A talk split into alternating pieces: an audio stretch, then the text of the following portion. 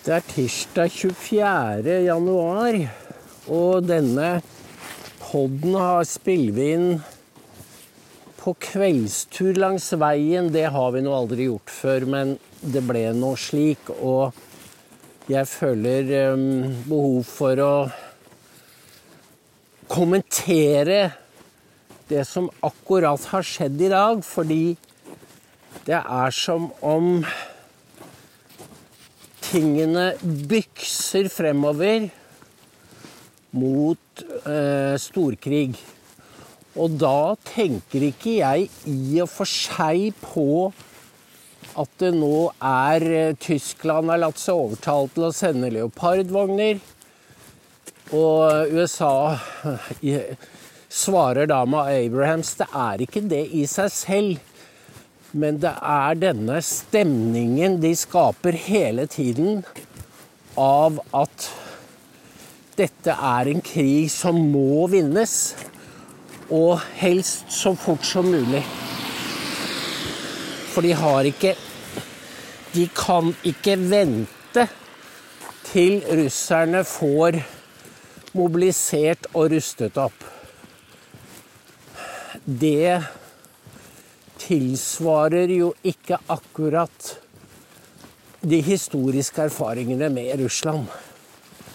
Men det er det ingen som kommenterer. Det er kun Nei, kom da, jenter. Vi kan ikke gå der nå. Det er kun krigen i nuet. Disse politikerne og ikke minst mediene lever kun i nuet. Og, og de jazzer seg opp.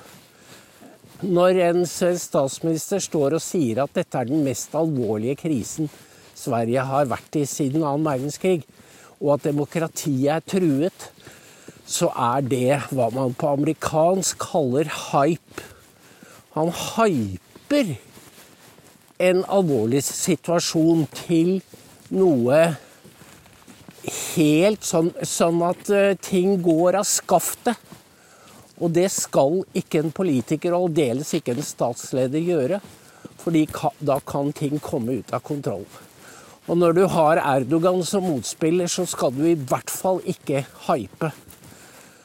Så det har vært gjennomgående helt fra lenge før Ukraina-krigen brøt ut, så er det denne hypingen som hensetter publikum i en ustabil tilstand. Vi har da et krigsparti, og jeg mener det er et krigsparti, og krigsmedier som skaper krigspsykose. Fordi det er bare én utgang på krigen, og det er seier og, tyng, og det kan bare skje ved våpen. Det har jo da Jens sagt. Våpen betyr fred. Og jeg vet ikke Jeg vet rett og slett ikke Det ser ut som de er låst i denne posisjonen. Vi vanlige mennesker kan jo ikke gjøre annet enn å si det vi føler og opplever som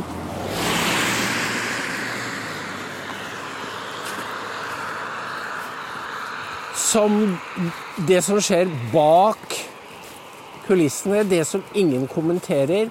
Og det er igjen og igjen så er det medienes fremstilling som skrur opp situasjonen som at den tipper over. Klokka ni i dag så var det jo NRK som toppet med at høyreekstremisten Rasmus Paludan har skapt krise i forholdet mellom Sverige og Tyrkia. Det er jo en overdrivelse. Man kunne da For de sier jo aldri at det er Erdogan som bruker Paludan til å skape en krise. På samme måten er det med skytingene i USA. Tucker var veldig god på det i natt, fordi han, han eh, tok for seg mediene som ikke venter da denne skytingen på det asiatiske nyttårsfeiringen i Monterey i California De venter ikke på at de får eh, kunnskap. De kjører ut at dette antagelig dreier seg om rasisme. Både Chuck Schumer og flere andre demokrater gjorde det. Og de eier ingen skam. Selv når det kommer frem at det aldeles ikke var noe rasistisk i det, det var en asiat som skjøt asiater, så kommer det ikke med noen beklagelse. Og den type hensynsløs propaganda har vi ikke sett i fredstid. Fordi dette er hinsides enhver sivilisert målestokk. Det er egnet til å fremkalle dyp frykt i befolkningen, og det er det det er ment som. Og hensikten med alle disse skytingene politisk er å ta våpnene fra borgerne. Det er helt opplagt. Det er, ikke, det er jo helt, en helt åpen agenda. Det de ikke forteller, det er jo eh, at det ble skutt 33 mennesker i Chicago i helgen. Bare i Chicago. Og når det gjelder disse skytingene, som det er ganske mange av, så er det jo grunn til å spørre hvem er det som skyter? Fordi de har sluppet inn 5,5 millioner mennesker som de ikke aner hvem er. Mange av dem er kriminelle. Det vil ikke være noe merkelig sånn sett om det er en sånn massakre i uka med den befolkningen USA har i dag. Det vil jo heller ikke våre medier rapportere om. For de rapporterer ikke om masseinnvandringen til invasjonen av USA. Slik de heller ikke rapporterer om invasjonen i av Europa, men den er jo på mye lavere skala enn det som har vært i USA. Og det har ikke nordmenn og europeere fått med seg.